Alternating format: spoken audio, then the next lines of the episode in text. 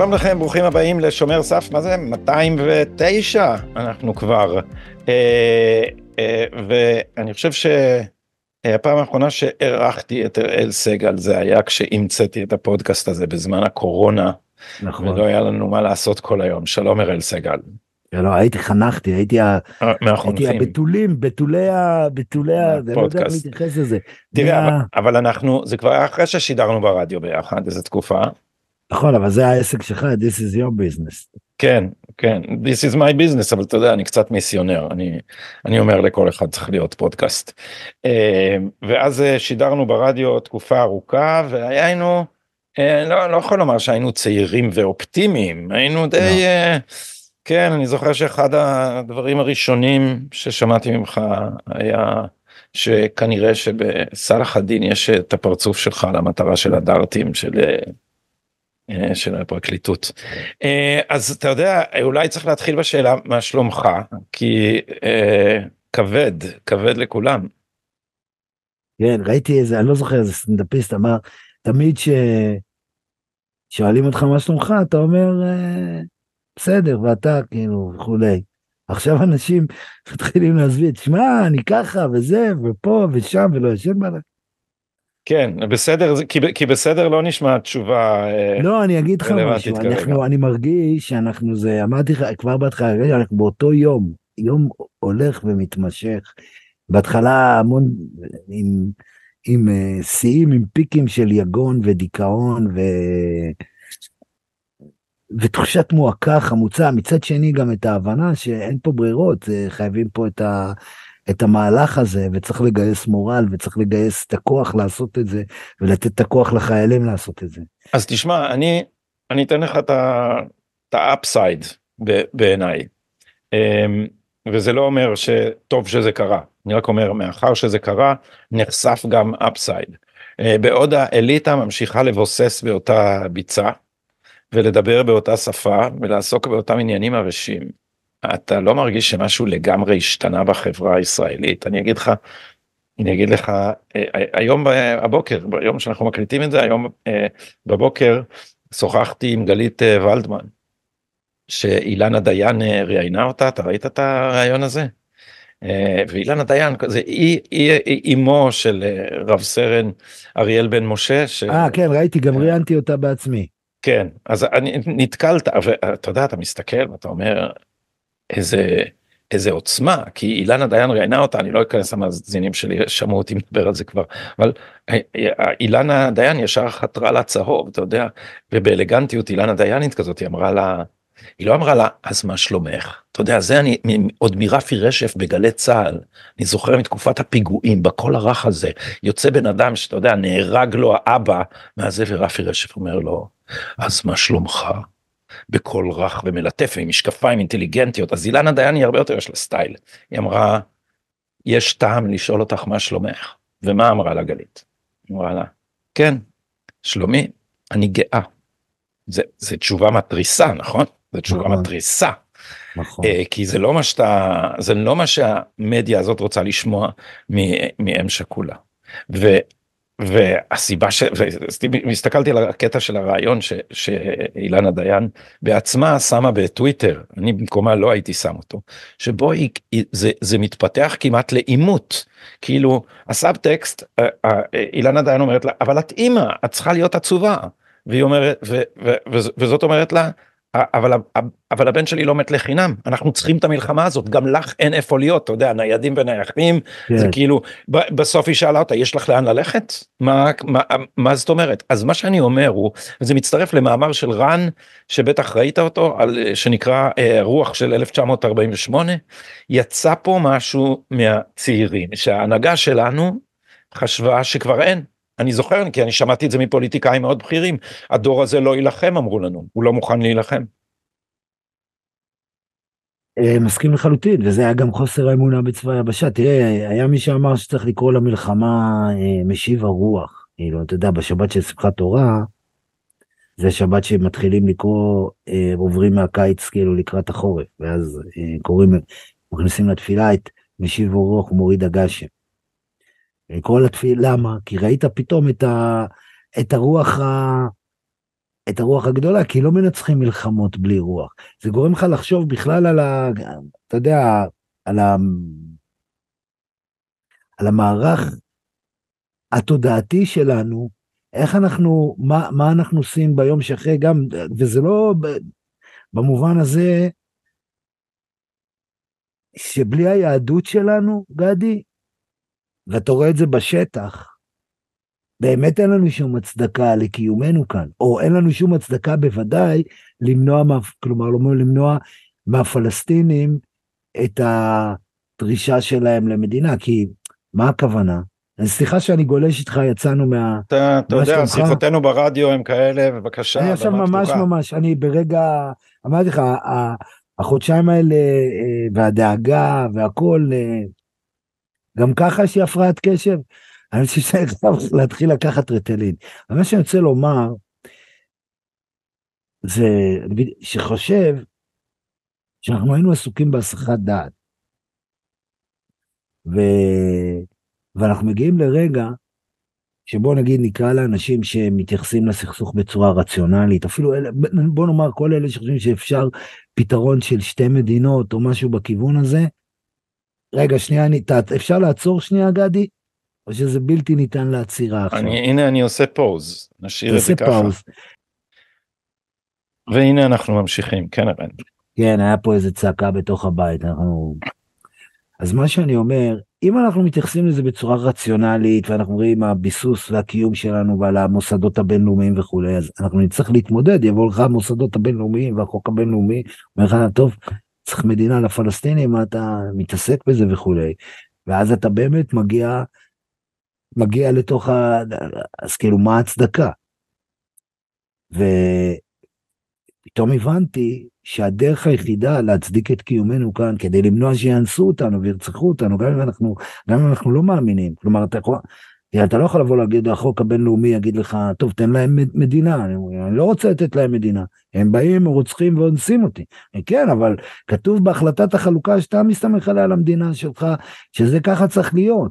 וה, ואתם גם אומרים אנחנו רוצים אז אתה תצטרך לא תהיה ברירה אלא ללכת לדבר הזה. אם אתה לא אבל, אבל אתה מדבר איתי על שני דברים בבת אחת. אתה מצד אחד אומר מה ההצדקה שלנו כלפי אומות העולם ו, ו, ומצד שני איך אנחנו מגדירים את הזהות של עצמנו כלפי אומות העולם מה זה משנה אם אנחנו נגדיר להם את זה שאנחנו לא כי אם אנחנו יהודים. נגדיר לעצמנו אם אנחנו נגדיר מה שקרה איבדנו את צדקת הדרך אוקיי איבדנו את אנחנו הרי די ברור. האליטה איבדה את צדקת הדרך. בסדר, לא אבל האליטה, האליטה הישראלית שהובילה את מדינת ישראל, וה, ואנחנו ראינו את זה, הרי שנינו ידענו שהמחאה, היא לא הייתה על הרפורמה המשפטית, זה שטויות הרפורמה המשפטית, היא הייתה...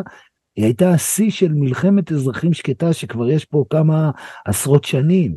ואתה זוכר את הגל של המחאה של 2011 הייתה איזה, איזה טיזר מה, מהעבר. אני רוצה לומר בזה שזה, זה, אנחנו במשבר זהות. המשבר זהות הוא כי איבדנו את, בין היתר, את צדקת הדרך היהודית. כי אם אתה לא פה בגלל הסיפור היהודי, תאמין בזה או לא תאמין בזה, אבל זה הסיפור שלך. אז אתה, אז מה אתה עושה? סליחה, ירדתי את המסך. אז מה אתה עושה פה? ו... אבל אתה חושב, הציונות הייתה כזאת מההתחלה? הציונות... לא, לא. היא לא הייתה כזאת מההתחלה, היא לא התנכרה ליהדות. לא, אני אומר, הציונות מההתחלה אמרה, אנחנו המשך של הסיפור היהודי. היא, היא לא התנכרה ליהדות מעולם. לחלוטין אני לא. אומר, אז, אז בוא, איפה, מי איבד את הדרך ואיפה? אני, אני זורק לך רעיונות, יש מכון, אתה יודע, יש ברל כצנלסון, בית ברל, וכאילו את כל ה... כן, כן. כן? שהם, עושה, שהם הפכו להיות בקצה של השמאל וכולי. ברל עלה, אתה יודע מה הוא היה אומר עליהם? אתה מכיר, אנחנו תמיד... הוא היה אומר שזאת שנאה עצמית פתולוגית של העם היהודי. ברל תמך בטרנספר, לא לירדן, לעיראק. הוא אמר שירדן, כלומר הגדה המזרחית, היא גם שלנו. זה ברל. הוא לא היה בצד שלהם. הציונות הבן גוריונית, המפא"יניקית, הקלאסי, הייתה מאוד יהודית. היא הייתה חילונית, היה לה ריב עם היהדות הדתית. היא היה לה ריב עצום עם הרוויזיוניזם, עם ה... עם ה... אבל אתה יודע, חבריך, אה, מה שאתה קורא השבט שלך, אה, ויש לי ויכוחים כאלה עם סטודנטים ציונים דתיים בלי סוף. הם אומרים, הנה בבקשה, אתה יודע, זה מהמרד השפוף שהומלץ על כן. ידי רבנים רבים. אומרים, הנה, התחלתם מלעזוב את הדת וגמרתם מלעזוב את הלאומיות אז אל תספרו לנו שיש לכם לאומיות בלי דת כי הנה עשיתם את הצעד הראשון זה נגמר בפוסט ציונות ואני שנים אומר לא נכון אני אני אשאר יהודי גם בלי לחזור בתשובה ואתה יודע הזהות הציונית שלי זה לא משהו שאני קם בבוקר מגרד את הראש ואומר אולי בעצם לא. זה מובן לי מאליו. אז אז אז איפה אתה עומד ביחס לזה? אני גם, אני אומר לך שוב, אני מגדיר את עצמי, תמיד היה, ינון תמיד אומר, הימין האמוני, אני אומר הימין הלאומי, אני מדבר על הלאום, על החדנס, אבל בתוך החדנס הזה צריכה להיות יהדות, היא לא צריכה להיות יהדות דתית, אבל היא חלק מנשמתה, אתה רואה את זה בחיילים, אתה לא חייב לקיים תרי"ג מצוות, אז זה לא משנה, אבל האלמנט הזה היהודי, החיבור הזה היהודי לליבה, הוא סופר משמעותי. לזיקה שלנו כאן. ומה יקרה עכשיו לאנשים, האליטה, תשמע, האליטה זה, זה, זה מטורלל בנפרד ואנחנו יכולים לדבר על זה, אבל מה יקרה לאנשים בעקבות, בעקבות הטבח של 7 באוקטובר, כי אני לא יודע לכמת את זה, לכמת את זה, אבל ראיתי די הרבה פוסטים שאומרים, בואנה, אני הזכירו לי שאני יהודי, הדבר הזה, אני נרדף כיהודי ולכן אני אחיה כיהודי. בר, אני, תראה, אני אומר שוב, אני לא יודע ברמת, ה, ברמת ה, ה, השמירה הדתית, וזה גם לא מעניין אותי. אני אומר שאנחנו חווים... אבל פה... מה אתה עונה ל... מה, אתה yeah. עומד מול הסטודנטים שלי, yeah. כן. והסטודנט שלי אומר לך, אין, אין, אתה, יהדות בסוף בלי אמונה היא מתפרקת. הנה, התחלתם מפה, גמרתם בפוסט מודרניזם. מה אתם רוצים? זה אצלכם, אצלנו לא, לא הייתה הבעיה, הבעיה אצלכם. מה אתה עונה לסטודנט כזה אם אתה עומד במקומי בתור מרצה? אני יודע מה אני אני לכן אני תופס בעיקרון של החדנס של הברית הגורל היהודית אבל הברית הגורל היהודית במדינת ישראל היא מחויבת להיות נשענת על ה... על, ה, על העניין היהודי, כאילו, בלי העניין היהודי, בלי צדקת הדרך, בלי לחשוב שאתה פה, לא בגלל לורד בלפור, ולא בגלל יימח אה, שמו היטלר, ולא בגלל, אלא בגלל שאתה חלק גם ברור משרשרת לאומית וכולי, ואתה מאמין שהסיפור הזה שלך הוא שלך. ככה אתה גם מדבר לעולם המוסלמי, וככה אתה מדבר גם לעולם הנוצרי. בסוף זה, אתה יודע, זה כאילו, זה כאילו הפוך מהקונספציה. זה העולם, זה, זה, זה מסוג, ה, מסוג הדברים שאנחנו יכולים, ש... אבל זה לא קשור לקיום מצוות או לא קיום מצוות, זה קשור לסיפור היהודי. שתמיד היה, גם מגילת העצמאות, כן, נשענת על הסיפור הזה, נכון? בוודאי, תשמע, הציונות אמרה, לפחות יש, היא אמרה בעיקר, אבל לפחות במינימום היא אמרה, יש זהות יהודית במובן הלאומי. וזה, זה, בזה אנחנו דומים ללאומים אחרים, וכל לאום נשען על הסיפור של עצמו, הוא, אה, אה, ולכן אני אומר, אתה יודע, כשמדברים באופן תיאורטי על דמוקרטיה ועל הזכות להגדרה עצמית, אני אוהב לקרוא לזה הזכות להיות עצמך. ואתה יודע מה אני מספר לסטודנטים אחרי שאני גומר להסביר את ההיגיון הפנימי של הרעיון הציוני ואני מלמד קורסים כאלה אז אני מסביר את ההיגיון הפנימי את ההתפתחות של זה. ואז אני אומר להם את כל מה שאמרתי לכם על איך התגלגל והבשיל הרעיון הציוני מתוך הנאורות ומתוך המודרניות הגלגול המודרני של הזהות היהודית.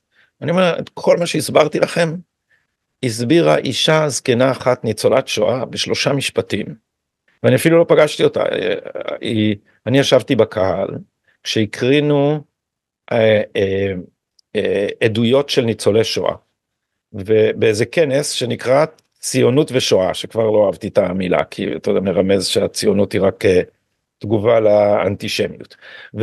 ומי, אני לא יודע מי הטמבל שבחר את השאלה הזהה לכל הניצולי שואה, אבל השאלה הייתה, אה, מה היה הרגע המאושר ביותר בשבילך בסיום המלחמה? אתה יודע, זה מין שאלת מעריב לנוער כזה, אתה אומר, מה, כאילו, האנשים האלה שחררו אותם מאושוויץ, מה אתה, כאילו, הרגע הכי מאושר רפי רשף, שרפי, אתה יודע מה רפי רשף היה שואל אותם. אז מה שלומך?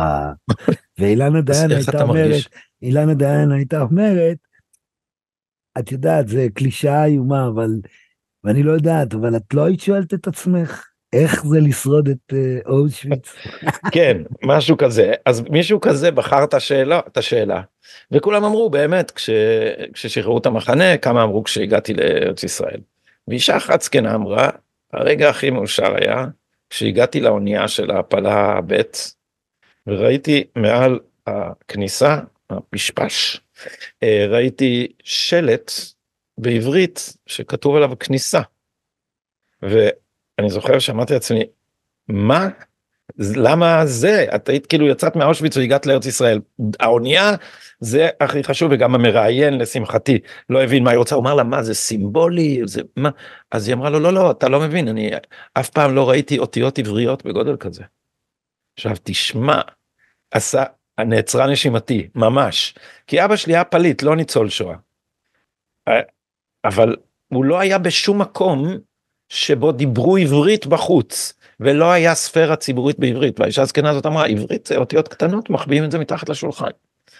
כאילו היא אמרה במשפט אחד את uh, כל מה שבעייתי עם להיות יהודי באוהלך ואדם בצאתך. אתה, נפ... אתה מסתיר את יהדותך מרגע שצאתך. אתה הציונות נתנה לך להיות יהודי באוהלך ויהודי בצאתך כי אתה יכול להיות עצמך בספירה הציבורית. אז המטאפורה ששימושית לי פה בשיחות האלה עם הסטודנטים אני אומר להם תשמעו גם אפשר לקחת את המטאפורה מהתנועה לזכויות הומואים של לצאת מהארון היהודים היו אלפיים שנה בארון פלוס מינוס או בגטו או בארון. ולהיות בארון כלומר להסתיר את מי שאתה כשאתה יוצא מהבית הפרטי שלך זה כמו להיות גיבן זה נכות שאתה סוחב איתך והיהודים סחבו איתם הרבה זמן. במובן הזה הציונות אישרה את גבם וברור שהיא היא, היא, היא מחויבת לסיפור היהודי וברור שהרעיון של מדינת כל אזרחיה בוא מדינת כל אזרחיה זה פיקציה. אין מדינת כל אזרחיה. אין יהיה פה לא יהיה פה הרי מרחץ דמים יותר גרוע מיוגוסלביה אבל זה מזכיר לי הסיפור שלך ואולי עדיף לספר סיפורים. אולי אני לא קוהרנטי מספיק כדי להעביר את הרעיון. מה שהתכוונתי יש משהו כתב תראה שהסטודנט הזה שואל אותך את השאלה הזאת, זו שאלה שברוך קורצווייל כבר שאל אותה בשנות החמישים, שעם הציונות, כאילו ציונות חילונית, ציונות שבסוף אתה יודע, ש... או ציונות שהיא לא חד נס, כלומר היא ציונות שנושאת בחובה שני תרמילים, גם את הציונות וגם סוציאליזם. ויום אחד היא תגיע, יצא, כמו שקוראים, ידידנו דרור הידר תמיד אומר, האב הקדמון יוצא, לא הרגו אותו, ניטשה לא הרג אותו. והכל מתעורר. הכל מתעורר כי אנחנו, כי אנחנו נמצאים בתוך uh, סכסוך שלא ייגמר, הוא סכסוך דתי ואנחנו רוצים כל הזמן לומר לעצמנו לא לא לא זה לא סכסוך דתי זה טריטוריאלי או זה וכולי. אבל גם המשחק שזה רק טריטוריאלי ואנחנו נצליח לשלוט על זה בלי כאילו בלי להתייחס לעצמנו הוא לא קיים. עכשיו סיפור. יפה. כן. רוברט קאפה כן? הצלם הגדול? כן. נכון לא, אני לא, לא, רוברט קאפה זה מותו של, מותו של חייל רפובליקני בספרד, התמונה עם החייל שעף ככה לאחור, מלחמת האזרחים בספרד, מכיר? תמונה אה, מפורסמת, כן, כן, הייתי שם אותה כן. פה אם הייתי יודע איך עושים את הדברים האלה. אה, אבל אם אתה יודע, תעשה בגוגל רוברט קאפה, אתה ישר תזכר. דבר אני אמצא, רוברט קאפה. זו תמונה אייקונית, הוא צילם, הוא מצלם, הוא צילם גם בנורמנדי, הוא נחשב אחד מצלמי המלחמה הגדולים ביותר, אוקיי? רוברט קאפה, יהודי כן. הונגרי. כן. אה, בסדר, אני, אני אחפש בזמן שאתה מדבר, אבל ספר כן, את הסיפור. מרא... ויש רעיון איתו, יש רעיון איתו, הוא, הוא נהרג בתאונת מטוס לדעתי, אבל כמה, איזה שנתיים, שלוש שנות החמישים, אומרים אותו באחד המגזינים הגדולים. שואלים אותו, האיש צילם תמונות אייקוניות, צילם את ה... הרפובליקני נופל מהכדור עף ככה, זה אחד, אתה יודע כמה אנשים עם חולצות כאלה יש בעולם. Uh, הנה התמונה, בואו נראה אותה למי שצופה בנו בווידאו בניגוד למי ששומע אותנו נגיד בספוטיפיי. זוהי התמונה המפורסמת. הנה, אתה מבין? אתה מזהה אותה. עכשיו כן. זו תמונה, ואז שואלים אותו מה, ומה התמונה הכי גדולה, ויש לו גם תמונות מנורמנדי מאוד מפורסמות וכולי. והוא עונה, הייתי בישראל, אגב, הוא צילם גם את האלטלנה, הייתי בישראל, והצילום הכי גדול שעשיתי בחיי זה יהודי תימני קשיש, בדרך בורמה, חוצב אבן. זו הייתה התמונה הכי גדולה של חיי. זו הייתה התמונה שהכי ריגשה אותי. ככה רוברט קאפה אמר. למה? בגלל המשמעות של התחייה היהודית הזאת, של היהודי, מלחמת העצמאות, דרך בורמה הוא מגיע, הוא מצלם את היהודי התימני הקשיש, בזה פורצים את הדרך מירושלים, הוא רואה את, ה, הוא רואה את ההיסטוריה דרך התמונה הזאת, והוא יהודי. אז, אז, אז זה קצת מזכיר, אתה יודע, שוב, ה, ה, ה, ה, אבל חזרנו לשם, לשאלת הקיום ממש. זה נורא נורא קשה לקלוט את זה, אחרי שהיינו בטוחים שאתה יודע, שאנחנו באמת מעצמת על, שהם מפחדים להתקרב אלינו. כלומר, כן, אני, תשמע, זה, זה דבר מאוד חשוב אה, לומר אותו, כי כל ההתמכרות של האליטה הישראלית לעיסוק ברגשות אשמה, הכיבוש, הרפורמה המשפטית, כל הדברים האלה מניחים שהבעיות הקיומיות קצת פתור, כבר פתורות לכן הם לא יססו להתעסק עם הצבא. שתבין מה קרה פה אני עכשיו זה לא זה לא רק להגיד אתם חשפתם חולשה בזה שאתם uh, התחלתם סרבנות. תבין הם לא חשבו הם לא חשבו שיש יותר בעיות הם חשבו שהצבא זה כבר מותרות אפשר להרים את הרגליים על השולחן ולהגיד אין לכם צבא עכשיו ת, עד שלא תיכנעו לנו. הם הם לא כל העסק כל, כל החישוב הזה ולכן אני גם. אופטימי בקשר למה שקורה בתוך ישראל למרות המערכת הפוליטית המרוסקת והשמורה. נכון, זה הכל ישתנה אבל ברמה... שאתה אומר אבל אבל זה לא מצחיק שהאליטות שלך, אל, אתה יודע, אה, האליטות שלך הם אלה ששולטות בכל מוקדי הכוח, בצבא, בשירותי הביטחון, בפרקליטות וכולי. אני לא אומר ש, שכולם איבדו את ה... את הווירטו הציוני יהודי, ממש לא. אנשים טובים, חלקם הגדול. אבל הרוח. כן, אבל, אתה... אבל לכן, אראל, תשמע, אני אגיד לך, מאחורי כל המאבקים האלה על הרפורמה, כי פשוט אני מכיר חלק מהאנשים האלה ביוגרפית, בסוף הם התחילו את כל המסע, אה, כל ה... אפילו השנאת נתניהו, זה לא היה רגשי, זה היה חישוב. החישוב היה אנחנו הסכנה הכי גדולה לציונות הצ... הבטחנו כבר את הקיום סכנה הכי גדולה לציונות זה דו לאומיות ולכן מה שעומד על הדרך לפרידה מהפלסטינים זה הימין. וצריך להזיז אותו לטובת ישראל. הדבר הזה הרעיון של שתי מדינות מת.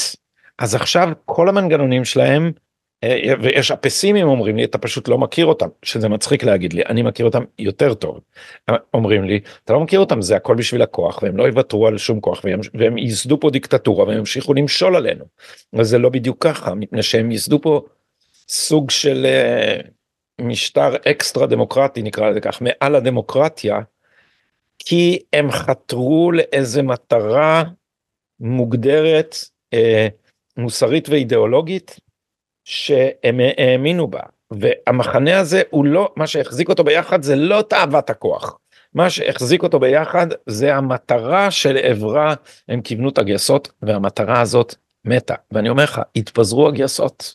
לא יהיה מה שיחד אותם. אני שאתה צודק אני מסכים איתך על הניתוח. הסיפור הוא פה מדינה פלסטינית אבל הסיפור הוא גם פנימי. כלומר ראינו את זה ב... ראינו את המתחים הפנימיים בתוך החברה הישראלית ו... ו...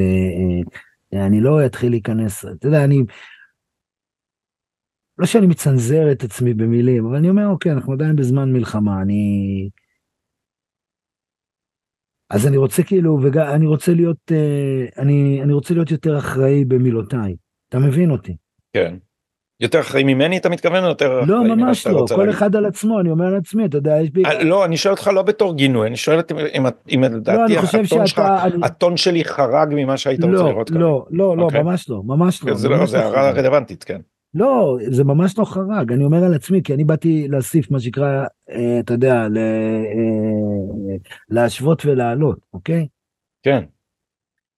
זה לא, זה גם אני חושב שהכוונות שלהם טובות, אבל בדרך זה גם דרך שלהם לשמור על הכוח העודף שיש להם בתוך החברה הישראלית. זה כוח שמתורגם בחומר, בכסף, בעוצמות, ביכולת השפעה. זה לא רק, ה, זה לא רק העניין של המדינה הפלסטינית. לפעמים המדינה הפלסטינית הייתה רק תירוץ. מפלגת העבודה התחילה להתעניין בענייני שלום ופלסטינים רק אחרי המפלה ב-77. עד 77 חלקם הגדול היה בסדר גמור עם, עם תנועת ההתיישבות. בטח שמעון פרס, ישראל גלילי ואחרים. גולדה. גולדה. הם לא היו, הם לא בקצה השמאלי. הם לא היו מזהים את עצמם במרב מיכאלי ובנעמה לזימי, נכון? אז, אז, אז, אז זה, גם, כן, זה, גם, זה גם היה דרך לבידול, אבל מעבר לזה קרה תהליך פנימי, רעיוני, תודעתי, שבגלל שהימין מזוהה יותר עם הדתיים ועם הדת ועם היהדות, זה יצר ריחוק וניכור בצד השני. אבל אולי זה יותר פשוט, תראה, אתה יודע, אירית לינור התארחה אצלי פה בפודקאסט, היא אמרה, תשמע, הם רצו שוודיה בעברית. זה מה שהם רצו, הם רצו לברוח מהסיפור היהודי, כי הסיפור היהודי הוא כבד על הכתפיים. לא, זה מעבר, לא, אני חושב שהסיפור היהודי זה לא רק שהוא כבד, הסיפור היהודי מזוהה עם ה... כביכול אתה, אני זוכר, כתבתי על זה לפני כמה שבועות, על, לפני שבועיים. זוכר לפני שנה, ענת קם הציעה בעיתון הארץ שכל אחד ישים עץ אשוח במרפסת. כמרד, כן, נגד ה... מה שעמד להסתמן כהקמת ממשלת האימים. לא זכרתי את זה, לא אז, זכרתי. אז זה היה כתוב, אני והיה, באמת, היה איזה, איזה מין דיונון, אפילו לא, אבל באמת, ואתה, אבל זה עלה על איזה סנטימנט. עכשיו זה בק- בקטע הגרוטסקי, הקיצוני, לא בקטע, אבל עדיין אתה מגלה שבתוך ישראל, אנשים טובים, זה אה, כאילו, זה כבר לא, תמיד הייתה שנאה דתיים בציונות, בעיקר בציונות השמאלית, תמיד היה כאילו דרוס כל דרוס, השמט כל חרד, זה לא התחיל ב, ב, בעשור האחרון, זה דברים ישנים. כן, כן. זאת אומרת, זה מלווה את זה, בגלל המתח מול הדת, בגלל שהציונות היא גם מרד. אז היה בה את הדברים האלה, כותבים כמו אה, ברנר וכולי, הם היו, בואנה, הם היו קשים כלפי היהדות המסורתית, הם בזו לה, הם באו ממנה ובזו לה, ואהבו אותה ושנאו אותה.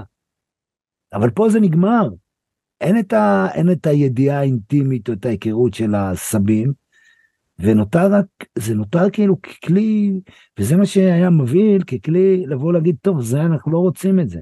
הדיבורים על ישראל ויהודה זה בדיוק הדבר הזה, אבל, אבל, אבל אז אנחנו מגיעים למלחמה, ואתה רואה שבסוף ההצדקה היחידית שלנו, כאילו להגיד, טוב, אנחנו לא מוכנים שיהרגו, זה ההצדקה היהודית, כי אחרת אתה תצטרך, זה מה שהתחלתי בתחילת השיחה, אם אתה הולך לשחק במשחק של ה, מה שנקרא של תל אביב החילונית הרגילה, שמצביעה למה שהיא מצביעה, אז אתה צריך להגיע בהכרח ל, ל, לפתרון מדיני, אתה מבין אותי? אתה מבין מה אני אומר? כן, כן, והם אני, ילכו לשם שוב. הם ילכו לשם שוב כי אין להם ברירה. כי הדרך היחידה, כי הדרך היחידה שלנו, ואני אומר את זה, גם שלי, לפתור את, ה, את הקיום כאן ולבוא להגיד, כן, אני לא מוכן שיהיה מדינה ריבונית ברצועת עזה, אני רוצה להשגיח עליהם. אני לא יכול להגיד את זה, אני רוצה, להגיד, אני, אני רוצה את זה כי, כי, אה, אתה מבין? אני אומר את זה כי מגיע לי להיות כאן, כי זה שלי, כי זה שלי, כן, כי זה, כי, כי זה חלק מה, מה, מהמורשת, מהתרבות, מהדת שלי, מהלאום שלי, והלאום שלי הוא גם דת וגם, וגם, וגם אומה, ואפשר להיכ... והוא עובר בדם, אבל אפשר להצטרף אליו באמצעות טקס דתי. תסתכל על הכותרת הזאת בהארץ, זה בדיוק, אלוף בדיוק. בן 21 בספטמבר, אה, כמה זה לפני הטבח? שבועיים. שבועיים לפני כן. שבועיים וחצי. נו, יהודית ודמוקרטית סימן שאלה הגיע למחוק את המילה הגיע הזמן למחוק את המילה יהודית הדבר הזה יוכל עכשיו לשרוד הסנטימנט בדמו- הזה זה- הסנטימנט הזה יוכל עכשיו לשרוד אראל. כן, אתה, כן. לא, אתה תראה, כן, אתה רואה אותו שהוא חוזר ועולה. אתה, מצד שני, שוב, תראה, תראה, יש פה כמה סנטימנטים, יש כעס גדול על הממשלה ועל ראשי הצבא, אבל גם יש סנטימנט של... אבל אני. חושב שאתה מחשב חישובים בעולם הרוח בלי להסתכל על משמעות המצב החדש בעולם החומר ואני אגיד לך מה משמעותו. המלחמה הזאת זה לא המלחמה אחת. אנחנו לא עכשיו אה, נסיים את המלחמה ויהיה ניצחון ואז יהיה בסדר. לא, זו, זה פרק א' במלחמת איראן ישראל וזאת מלחמה של עשור או שניים שהולכת להיות פה. אז אה, אני אעשה לך, אני אעשה לך פריוויו למאמר שלי שאני מקווה שיתפרסם בסוף שבוע הזה או בסוף שבוע הבא. עכשיו אני כותב מדי פעם במוסף השבת של אה, מעריב והמאמר הזה אומר אנחנו לא חזרנו ל-48 אנחנו עכשיו ב-1956. ב-1955 כזכור לך בעסקת הנשק הצ'כית מצרים היטטה את uh, מאזן הכוחות במזרח התיכון. ונאצר, אז uh, הנשיא המצרי, uh, ביקש לאחד את העולם המצרי סביב חזון פן ערבי שמשמעותו בסוף מדינה, מדינת לאום ערבית אחת בהנהגתו, והוא סגר סביבנו טבעת חנק. ובן גוריון שהבין מחשבה אסטרטגית ולטווח ארוך, יצא למלחמה יזומה, מבצע קדש. כדי להתחיל לשבור את הטבעת הזאת. והיכו קודם כל במצרים. זה בתקופה שישראל היה לה אתוס התקפי ולא מגננתי כמו עכשיו לא בונים חומות וכיפות ברזל ומחכים איך לבלום את האויב. לא יש סכנה בחוץ. יוצאים פותחים את השער יוצאים מהגדר והולכים לעקור אותה. אבל זאת הייתה המלחמה הראשונה. 1956 מלחמת אה, מבצע קדש מלחמת סיני אה, 1967 מלחמת ששת הימים עוד פעם הטבעת אימה להיסגר מלחמת יום הכיפורים ניסו להקים את הטבעת אה, לדחייה באמצע מלחמת ההתשה. זאת אומרת ארבע מלחמות ורק אחרי יש מחקר חדש של דן שפטן שמראה שלא היו שום הצעות שלום מצריות עד אחרי 77 עד אחרי שבגין נבחר. אחרי שבגין נבחר וקרטר נבחר היה בארצות הברית אה, תכף אה, אחר כך נכון אז רק רק כשהקומבינציה של בגין כאן וקרטר שם היא הורידה אה, לסאדאת את האסימון הוא הלך להסכם השלום. רק אז. אז אז עכשיו אנחנו ב-1956 וזאת המלחמה הראשונה. כן. יש לי כמה כמה הערות. והטבעת היא של איראן כן. כן. אז הטבעת היא כביכול הייתה מצרית, אבל היא הייתה, הייתה בגיבוי רוסי. כלומר, אה, כל. האירועים הללו גם, גם, גם אחרי זה הסכם השלום היה בגלל, בין, בין היתר בין המעבר של מצרים מה, מההשפעה הרוסית להשפעה האמריקאית. כן. שזה חלק מה... שמעתי אותך מדבר על האינטגרציה היום בבוקר, זו הייתה האינטגרציה של שנות ה-70, של קיסינג'ר, שהיא אחרת. כן. היא real politics, היא לא משחקת בערכים. כן. לא, כן, אבל כן, בסדר, כן, אתה, כי בדיוק אתה נוחת לי על, ה, על עוד מאמר, אני אתאפק, כן, בבקשה. אוקיי. 56 זה מעניין, קודם כל בן גוריון, בן גוריון אימץ את התזה ההתקפית אה, להעביר את הלחימה לשטח האויב, הוא כותב את זה ב-53, זה לא היה תמיד ככה, הרי זה היה ויכוח גדול עם התנועה הרוויזיוניסטית על פעולות הגמול וכולי, הם, אבל בן גוריון באמת מבין שאת ה... אני מסכים איתך שאת המלחמה צריך לעשות מהר ובצד של האויב. הוא עולה על הזדמנות טובה עם הפריטים והצרפתים, נכון? כן. הוא לא היה יוצא למלחמת קדש לבד, הוא יצא עם, עם בעצם כאילו, הוא הצטרף כדי לחסל את הסכנה הזאת, אבל המשחק האמיתי היה של המעצמות של הצרפתים וה, וה, והבריטים. וגם בן גוריון הגדול, אחרי שהוא נושא בכנסת את נאום אה, מלכות ישראל השלישית, כן, כן. בלילה הוא מקבל שיחות טלפון חשובות מחרוצ'ו ומאייזנהאואר, ולמחרת בהודעת רדיו צה"ל מתפנה מסיני. כלומר, הוא, הוא הבין את אה, ה... קודם כל זה לקח זמן, זה לא למחרת בבוקר. בסדר, אבל הוא הודיע... והשיגו הרבה והרתיעו את הצבא המצרי לעשר לא שנים. לא, אני, ותשמע, נכון, בן גוריון עמד שם מול שתי מעצמות, אנחנו עכשיו אה, יש לנו גנרלים שרוצים אה, להתקפל מזה לא- שמזכיר לא, המדינה האמריקאי יוסף פו. נכון, אבל, אבל גם היחסי התלות שלנו, בן גוריון חי ב, ב, בעצם בשנות החמישים, אין לו על מי להישען, למרבה הצער אין לנו מעצמות שמסייעות לנו, וזה באמת מצב אחר.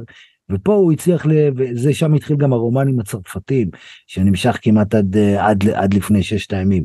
אבל לא, אני לא באתי להגיד שבן גוריון הוא לא אמיץ, והוא לא ניצל, והוא לא ראה נכוחה את המציאות. אני בא ולומר שה... גם בן גוריון, ויאמר לזכותו, אה, זה אני לא יודע מי יאמר, עזוב, לא אגיד להיאמר לזכותו, לא הייתה לו ברירה, והוא הבין, כשאתה עומד אה, מתחת לחץ של שתי מעצמות יותר גדולות, אה, כמו מבריטניה וצרפת, של ברית המועצות ושל ארצות הברית, אז אתה כאילו, אתה מתמרן. מה אני רוצה לומר בזאת? הרבה פעמים אנחנו אומרים את זה על המנהיגים שלנו, כן? ואני לא בא להגן, כאילו כביכול, איך אתם עושים... שמע, המציאות היא מכאיבה. אני חושב שאחד הדברים שגורמים לאנשים ללכת לתיאוריות קונספירציה, לא שאני לא חושב שלא היה מחדל כאילו בקנה מידה באמת תנכי, קטסטרופלי. אבל למה זה קורה? למה אנשים לא מוכנים לקבל את החטאים הרגילים של ה... שהיוונים לימדו אותנו, היברי, זכיחות, יהירות, כל הדברים האלה.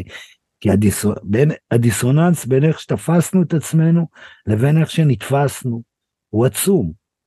עכשיו, אני שואל אותך, אני באמת אומר, אתה רואה מנהיג, אתה רואה מנהיגות ישראלית שהיום אני, אה, אה, אה, מסוגלת, אני לא אומר להסכים לכל גחמה אמריקאית, אבל מסוגלת להדוף כל לחץ אמריקאי. אנחנו הכנסנו את עצמנו למקום הזה שאנחנו שבעים ועשירים ויהירים ובטוחים בעצמנו עד כדי כך. העברנו את הייצור של, ה, של התחמושת שלנו לארצות הברית, היינו יכולים להשאיר את זה כאן. אגב, התקבלה באמת החלטה כזאת, מבינים את זה עכשיו, באיחור. גם היינו יכולים להקדיש יותר, מה? על גבול הקונספירציה, אבל אני לא חושב שזה קונספירציה, אני חושב שיש בזה לפחות גרעין של אמת. האליטה הישראלית, השמאלית, התייאשה מהציבור הישראלי, לכן היא מחפשת, אה, אה, היא מחפשת דרכים להפעיל על ישראל לחץ מבחוץ וזה מחגי אלעד מבצלם שהולך אה, להגיד שאנחנו פושעי מלחמה במועצת הביטחון ועד אה, תקוות יותר אה, יותר צנועות שהאמריקאים יצילו אותנו מעצמנו. במסגרת הזאת יש גם אליטה צבאית שאמרה בואו בוא נרסן את הימין שהימין לא יוכל להוציא אותנו למלחמות מטורפות. הנה נעביר את הייצור הנשק לארצות הברית וזה יהיה יותר בטיחותי כי אנחנו נצטרך את ארצות הברית בשביל להתחיל מלחמה וככה המשוגעים האלה הסמוטריצ'ים הבן גבירים מטאפורה אני אומר כי זה עוד לא היה כן. זה קרה לאט לאט אה, לא לא יוכלו להשתגע. ואת, תראה, לא, זה לא, זה נשמע farfetched? זה לא נשמע לי farfetched. למה? כי, כי מה עשו, מה עשתה הקצונה הבכירה כשנתניהו וברק איימו לתקוף את אה, עיראק או ניסו ליצור את הרושם, יכול להיות רק ליצור את הרושם, את איראן, סליחה, ב-2010, ואז גבי אשכנזי ומאיר דגן סיכלו את זה. מה, מה היה כאן? גם את התקווה שהאמריקאים יצילו אותנו מעצמנו, והיה גם, אה, קרוב לוודאי היה גם קשר דרך שמעון פרס, שהולכים לבלום את הימין על ידי זה שהאמריקאים זה ואתה, ואתה רואה האמריקאים מאוד אוהבים את, ה, את, ה, אה, את המחשבה הזאת כי אני, אני בימים האחרונים אני כל הזמן מצטט את מרטין אינדיק אני לא יודע אם אתה רואה איך הוא משתולל yeah. כן. בטוויטר אבל הוא הסביר שאנחנו האמריקאים זה מזל של הישראלים שנמצא בחדר המבוגר האחראי שזה האמריקאים אז אתה חושב שזה מופרך לשער שהיו גנרלים ישראלים שאמרו עדיף שייצור התחמושת יהיה שם כדי שהימנים המשוגעים האלה לא יעשו מלחמות. אני. לא יודע את זה אבל הבעיה שלי הרבה יותר גדולה היא אחרת היא בעיה מה שנבנה מהצבא הזאת איך התקדמו מה הרוח מה הדברים שנלמדים. אבל אראל אנחנו מדברים על 20 שנה אתה אומר אנחנו מדברים על אנחנו מדברים המזל שלנו שאנחנו רואים תראה אנחנו מדברים משנות התשעים משנות התשעים זה מתפתח. כן. וזה הולך ומקצין.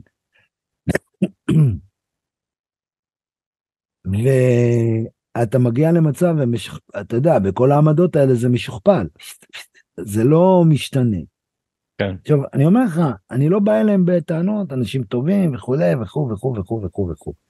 אבל איכשהו הם תמיד הולכים, מה שהאמריקאים חושבים, גם אצלנו חושבים.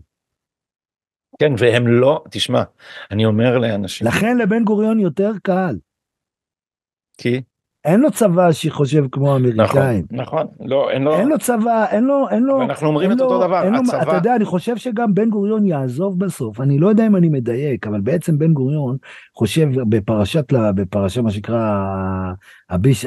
העסק הביש. עסק הביש, הוא לא מבין איך לא חוקרים את זה, איך בעצם, איך המנגנון, בעצם בן גוריון הראשון שיוצא נגד, הוא מבין שנבנה לו פה deep state במידה מסוימת, הוא רוצה שיחקרו את זה, הם לא רוצים.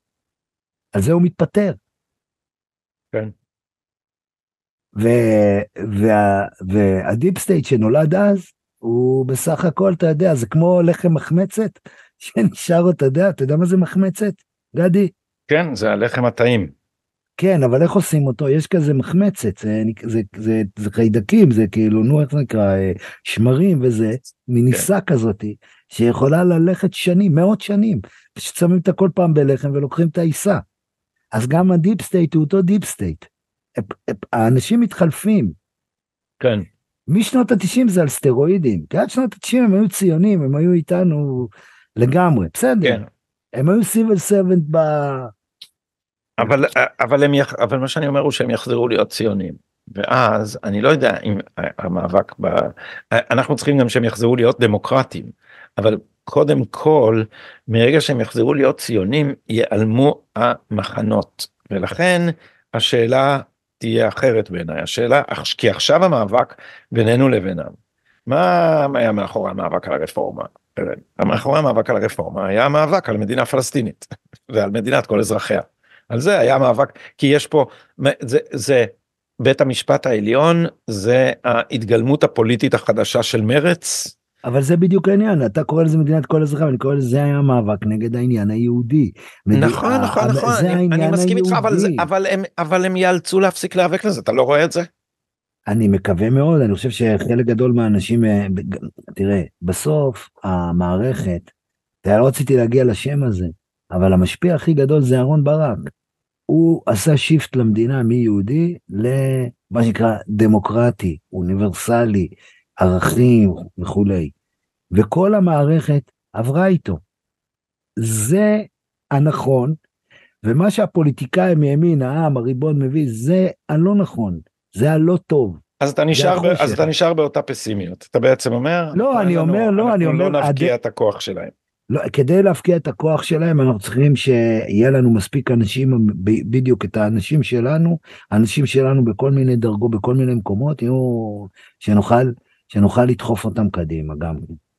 שנוכל כן, כאילו, כן. שנצטרך לשנות פה מערכות שלמות יצטרכו להשתנות. אבל אחרת, אחרת, אז, אחרת... אז אני אגיד לך, אני אגיד לך, ולא נתווכח על זה, זה, זה, זה התנבאות, אבל המערכת הזאת, באין לה אידיאולוגיה מחברת, תתפורר, לא תצליח לשמור על אחידות שורותיה, אה, ת, תתמזג בתוך השאר, ולכן אני חושב שמה ש... היה הוא לא מה שיהיה. אני גם חשבתי שהיא תתפרק גם ככה ואני כל הזמן אמרתי את זה היה לנו הרבה ויכוחים נכון? אמרתי לך אהרון ברק בנה פה מבנה כוח בלתי אפשרי הוא בנה פה פירמידה הפוכה שעומדת על שפיץ ואפשר להחזיק אותה מאוד בקושי על השפיץ הזה כי, כי, כי ברגע שהאליטה הזאת חותרת לפרק את רצונם הדמוקרטי של הרוב היא, היא תצטרך לעשות את זה באופן הדרגתי יותר ויותר בכוח כי אה, אה, כי היא, היא, היא בעצם תצטרך לשבור את רוחו של הציבור, את פעולותיו של הציבור, את רצונו של הציבור, שוב ושוב ושוב ושוב, תצטרך לפעול בניגוד לרצונו ובסוף זה סוג, זה יהיה סוג של כפייה. אז בסדר, כמה זמן יכולה להימשך ההונאה בעיתונות שמשכנעים את האחרים ש... דיקטטורה משיחית, הרפורמה המשפטית היא הפיכה משטרית, כל מיני שטויות אחרות. אפשר, זה תקופה, אבל בסוף יש פה מבנה כוח שיושב מלמעלה בכפייה וככל שהכפייה תעשה יותר ברורה היא תצטרך להיות יותר ברוטלית והדבר הזה לא מחזיק מעמד גם כשהכפייה היא טוטליטרית הוא בסוף נופל. כל שלטון צריך לגיטימציה.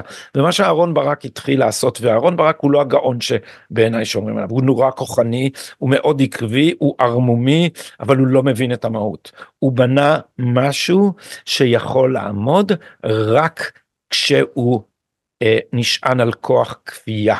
והדבר הזה הוא לא יכול, לה, הוא, הוא בנה שלטון שאין לו לגיטימציה וגם סטלין חיפש לגיטימציה. גם כשיש לך קג"ב ו, ו, ו, ומערכות דיכוי רצחניות עדיין אתה, אתה צריך אה, לגיטימציה ולכן הדבר הזה בסוף יתפרק. אני היסטוריון אז אתה יודע אני חושב במונחים יותר אני בסדר אני אני תשמע כדי אם זה לא יתפרק לא נשרוד. כן, ורוח ההישרדות של העם היהודי עכשיו מתעוררה. אז אני, אני באמת חושב, אני, אני, תשמע, השיחה הזאת כולה מתנהלת, אני בא לתת לך חיבוק, אתה נראה לי מה זה מדוכא. לא, אני לא אה, מדוכא, אני, אני, אה, אה, אני, אני, אני, תראה. ואני אומר לך, אני, אני מסתובב עם מועקה ענקית, אני מסתובב עם תחושה ש, שאתה יודע, הדברים שחשבנו שעברו מהעולם, שישרפו אותך חי. אתה לא, זה לא סכנה שנשקפה ליהודים במדינת ישראל, והנה היא כן נשקפת, ואתה יודע מה המטאפורה שלי, זה המטאפורה שלי, זה, ואין לי דוגמה, אני פשוט יודע שזה קורה. היפסטרים הולכים לעשות רישיון לנשק. הכל השתנה. ולכן אני אומר המועקה היא נוראית והפחד הוא קיומי וזה סכנה שהיא אכן קיומית ואם לא נתייחס אליה ברצינות הסכנה לא תהיה בית המשפט העליון אלא איראן.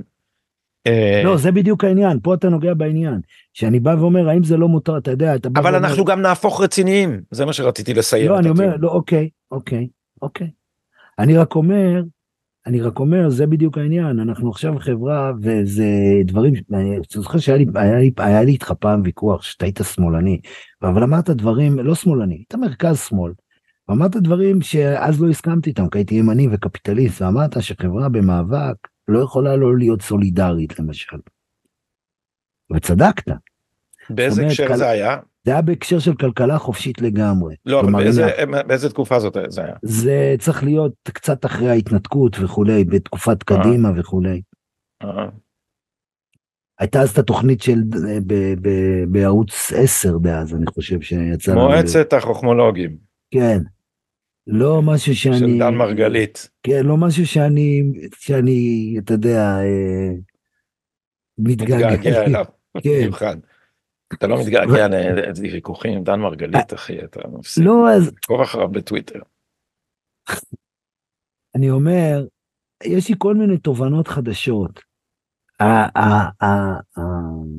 אני חושב שבראש ובראשונה לגלות שאנחנו עדיין, אנחנו עדיין בסכנה, אנחנו עדיין במלחמת קיום. זה נורא כאילו אתה לשנות את הדיסקט מאיזה מעצמה שכאילו, ואתה רואה, אתה יודע מה?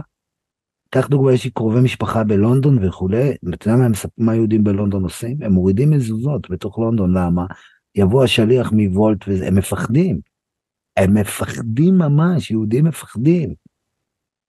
כן, וואו, מדהים. אז, אז זה שם, פה על זה לא, אני לא מפחד, כן? אני לא חושב שעוד רגע עומדים, אה, אבל אני מבין את אה, גודל השעה, ואני מבין שאנחנו חייבים להבין שאנחנו חברה במאבק, ואז מה זה אומר על כל ה... על, ה... על המשחק הפנימי פה? אתה מבין? כי הוא גם, הוא מס... כחברה ב... חברה שנמצאת במאבק מול כוח חיצוני, היא כל הזמן מתנגשת. תשמע, אז אני אהיה קונקרטי, אני אהיה קונקרטי, כי אל תכחיש את זה, אתה פה מדבר, אני, אני אופטימי ואתה פסימי בשיחה הזאת, ואתה כל הזמן אומר כן, כן, בסדר, התעוררו סכנה קיומית וזה וזה, אבל אנחנו עדיין אחוזים בתוך האנשים שייצרו את המנגנון הזה, הם לא יתפכחו בבת אחת והם ימשיכו בתקשורת, במשפט המשפטי הזה, עוזי פוגלמן ילך לבקר את המחבלים של החמאס לראות שאנחנו מתייחסים אליהם מספיק, הדבר הזה יימשך כאילו, ויימשך. ואני אומר, תראה, היה לנו פה ימין מבולבל ואחים לנשק מאוד מאוד מסודרים וממומנים ומתוכננים ו... ואתה זוכר איך התחילה איך התחיל התהליך שהפיל את גולדה? אז למפאי היה יותר כוח ממה שיש לשמאל ול deep state עכשיו. המפאי אז היה לו גם את ה deep state וגם את העיתונות וגם את השלטון הפוליטי לא כמו עכשיו שהשלטון הפוליטי אצלנו וכל השאר אצלם. ועדיין מוטי אשכנזי שהתיישב עם שלט הפיל את גולדה בסוף. אבל זה, לא... מה שמתכננים לעשות לשלטון אז, הימין. אז, הם. אבל אני לא, הם מתכננים לעשות את זה לשלטון הימין אבל המילואימניקים שיחזרו עכשיו מעזה הם אחים לנשק לא המשיכו להסתובב עם חולצות אזרחיות. אלה באמת היו במילואים. לא יצליח. אני אומר תשמע אני מסתכן פה להתנבא אני היסטוריון תרשמו את זה בצד. בתור הימור לא אחראי לא מקצועי אני לא יכול לתמוך בזה על סמך אה, ראיות. אבל אני אומר לך הדבר הזה השתנה מהותית עכשיו מתחת לרגלינו והאנשים האלה שיחזרו מהמלחמה הזאת מבינים שיהיו עוד מלחמות ולא תהיה להם סבלנות לשקמות ברסלר שיגידו לנו שאנחנו ניקח לכם את העיניים ואת האוזניים שבמזרח התיכון כי אנחנו המשרתים ואנחנו המודיעין ואנחנו הממ"מ ואנחנו זה לא ילך לא ילך. תסתכל מה קורה. אני, אני מאוד מאוד מקווה שאתה צודק. וה... אבל אתה לא מאמין. אתה לא משתכנע. לא, זה לא עניין שאני לא מאמין, אני סקפטי כי אני תמיד סקפטי. למוד ניסיון. ולמוד ניסיון ואני ואתה גם ימני מהרבה זמן. לא, קולט, אני כל הזמן אומרים לי אתה חדש בימין אתה לא מכיר את זה בסוף תמיד אני קולט גם את התודעה, את התודעה שאת המשחק התודעתי שעושים ברוב כלי התקשורת. ההכוונה לאשמה לאדם אחד ויחיד, כלומר, אם, אתה מבין? אז אני אה, לא- נכון לא- שהדברים יוצאים וגם השחקנים האחרים, אה, לא תהיה להם, כאילו, מה שחקנים, כאילו, כלומר, כל, ה, כל הקודקודים אה, הצבאיים, אני מניח, אה, ישלמו את המחיר הקל ויתפטרו, כן? אבל, אה, אבל כל הכוח יופנה נגד הימין, נגד ממשלת הימין, נגד נתניהו וכולי, זה... אה, אז יהיה מאוד מאוד מעניין לראות אם אתה צודק. אני מרגיש שהם כאילו, הם... אה, כן, אני גם לא בטוח שזה בטווח הקצר יסתדר, אבל, אבל תסתכל, אני אתן לך עוד דוגמה. אני אתן לך עוד דוגמה, אנחנו תכף צריכים לחתור לסיום, כי אמנם זה כיף, אבל אנחנו... זה מעניין? אני שואל, אני לא יודע, אני כאילו זה, אותי מרגיש... זה מאוד מעניין. אותי זה מאוד מעניין. אוקיי. אם אמרנו, אתה אתה יודע, יודע איך הפודקאסט הזה מתנהל, הוא כאילו, אה, בטיסה יש אה, מטיס מכשירים ומטיס לפי התחת. מטיס לפי התחת זה, יש, מלמדים אותך להיזהר מזה, כי אינטואיטיבית אתה יש לך אוריינטציה במרחב, זה כאילו התחת זה הלמטה, איפה שאתה יושב. כן. ואז עושים לך תרגיל כזה, ששמים וילון על כל התא,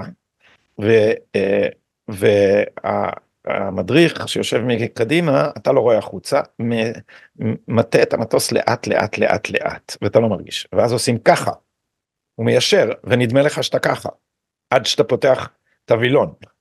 ו, ומלמדים אותך לכן לא להטיס לפי התחת, אלא להסתכל אה, ב, במכשירים. גם אז, אה, בוורטיגו זה הכי חשוב, נכון? כאילו להסתכל במכשירים. זה כן, ולא להאמין, ולא להאמין למה לתחושות. ל- לתחושות שלך, אבל אז, התחושה, אז, אני, אז אני מסתכל במכשירים. כן, אבל, אני מסתכל, אני מסתכל ב, ב, ב, במכשירים. ב... כן, לא, אבל אה, נשאתי את ההרצאה הזאת כדי לומר שאני אומר לך משהו כן לפי התחת, כן לפי, כן לפי האינטואיציה, בניגוד למה שמלמדים בקורס טיס, אני מסתכל על מה קורה מסביב, ואני אומר לך, תסתכל מה קרה למחאה. המחאה, הם לא הבינו בכלל שזה הכל, הם לא הבינו, הם המשיכו עם אותם דברים. הם המשיכו עם החטופים, תשמע עכשיו הרונן צורים למיניהם, מעלים את משפחות החטופים על מסלול התנגשות עם החברה הישראלית, הם בכלל, הוא בכלל לדעתי לא מבין את זה. מעלים אותם על מסלול התנגשות, החברה הישראלית לא תסכים שאנחנו נשים את קיומנו על קרן הצבי בגלל 140 איש, כי אנחנו מוכנים להקריב עכשיו אם צריך גם אלפים במלחמות אתה מבין את זה? כאילו אנחנו בינתיים נהרגו מאות אנחנו זה מספרים שיגדלו וכבר עברנו את האלף בהרוגים בזה. וה, והחברה האלה עוד חושבים שאפשר לעשות מודעה עם כל הנופלים ולהגיד אה, שזה אשמתו של נתניהו והנופלים יסכימו. או בכלל הם לא מעלים על דעתם שצריך לשאול את הנופלים אתה, אתה מבין כמה הם התרחקו מ, מ, מהחברה הישראלית? כמה הם כמה הדבר הזה הוא. תראה הולכת להיות פה התנגשות התחלנו את השיחה הזאת אה, באישה המדהימה הזאת אה, גלית ולדמן ההתנגשות בין הרונן צורים לגלית ולדמן כמטאפורה תהיה אה, התנגשות שבה לציבור בגלית ולדמן יהיה, יהיה יתרון מאוד גדול האליטה הזאת היא קטנה. האליטה הזאת היא קטנה והציבור הזה הוא חיה מבולבלת ומפוזרת והם הצליחו הם הצליחו אה, לפורר אותנו ולסמם אותנו ולהרדים אותנו אבל עכשיו צריך לשלוף את החרב עכשיו צריך אה, עכשיו צריך אה, להגן על הבית ו, ואני חושב שהתעורר פה משהו חדש בסדר אבל תשמע כל הזמן אומרים לי את זה כי אומרים לי את החדש בימין הם בסוף תמיד מנצחים אני ואני אני בא מהשמאל. ואצלנו חשבו תמיד שהימין בסוף מנצחים. כי תשדע לך בשמאל זה מה שחושבים. לא משנה מה אנחנו עושים נתניהו ממשיך למשול. זה כאילו זה לא יאומן. הימין האלה הם כל כך חזקים אי אפשר לעשות להם כלום. Uh, המתנחלים בסוף uh, קובעים. הנה הם קבעו עובדות בשטח ואנחנו זה התמוטט לנו כי בנרטיב של השמאל מה שקרה לשלום זה בגלל הכל בגלל uh, ברוך גולדשטיין. אתה יודע שאני התפטרתי מה זה התפטרתי? דרשתי שיוציאו אותי מסדרה מטופשת בערוץ אחד. שהייתה מין היא אמרה להיות קראו לה את זה מדורות השבט. כבר מדורות אתה מבין? זה לא מדורה אחת זה מדורות זה פלורליזם. אז שמה הם סיפרו את הסיפור של מדינת ישראל ככה שאנחנו צעדנו בדרך לשלום אבל ברוך גולדשטיין קלקל את זה וביבי הסית נגד נגד נתניהו. אתה יודע מה מטורף? המטורף הוא איך אני איך אני אני תראה אני בתקשורת מי אני כותב משנת 97 אני לא השתניתי אני למה אתה הצבעת מרץ פעם מה אתה מ-92 כן מ-97 אני וחזרתי ב, ב, ב, מהר מאוד הבנתי מה קורה בגלל הסכמי אוסלו. הבנתי, כי אני קראתי ושמעתי, ובזמן אמת ידענו מה שערפאת, אנחנו לא התעלמנו, מה שהיה ברור כבר. ו... ומה שמדהים זה ש... מה שמדהים זה שכמה ש...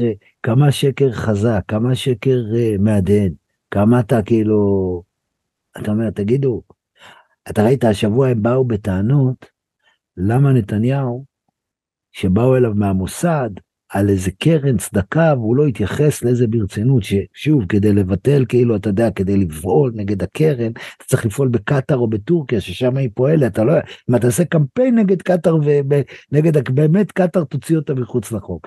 עכשיו מה אני רוצה לומר בזה אני חושב שזה האנשים שבאים עכשיו אומרים לנתניהו, לא, אתה לא טיפלת, אתה לא היית מספיק ימני, אתה לא עשית, אתה לא ביטלת את אוסלו. אומרים את זה גם לי, מביאים לי איזה ציטוט כן. שאמרתי שלא צריך להפיל את החמאס, אתה מסתכל כל השמאלנים האלה אומרים, כאילו מה, אתם הייתם בעד להיכנס לעזה ולמוטט את החמאס, כן, ואני... לא, הפרעתי. אגב, אני, אני, הם גם לי הם מביאים את זה, מביאים איזה כותרת שלא אני שמתי אותה בכלל, אני כתבתי על דוח המבקר, ואמרתי, אם אתה לא כובש את עזה, אז זה, זה, זה, תראה, אבל רגע, אני רוצה לחזור, ברח לי, ה, ברח לי הקלוז'ר. מה שרציתי להגיד זה שאחרי כל הסיבוב הזה, בואנה, אתם צהלתם כשערפאת נכנס לעזה, שבבגז שלו יש מחבלים, אתם הייתם בעד זה, שם זה התחיל. אני עשיתי מילואים ב-91 בעזה, היה לנו אלות ורנגים, זה היה רובה, כאילו הרנד של גומי, זה מה שהיה. איזו קצת אבנים, זה, פה ו... אבל באמת, היה, מאח... היה, ישבה פלוגה אחת בבית לאיה והחצי פלוגה שנייה בתוך ג'באליה.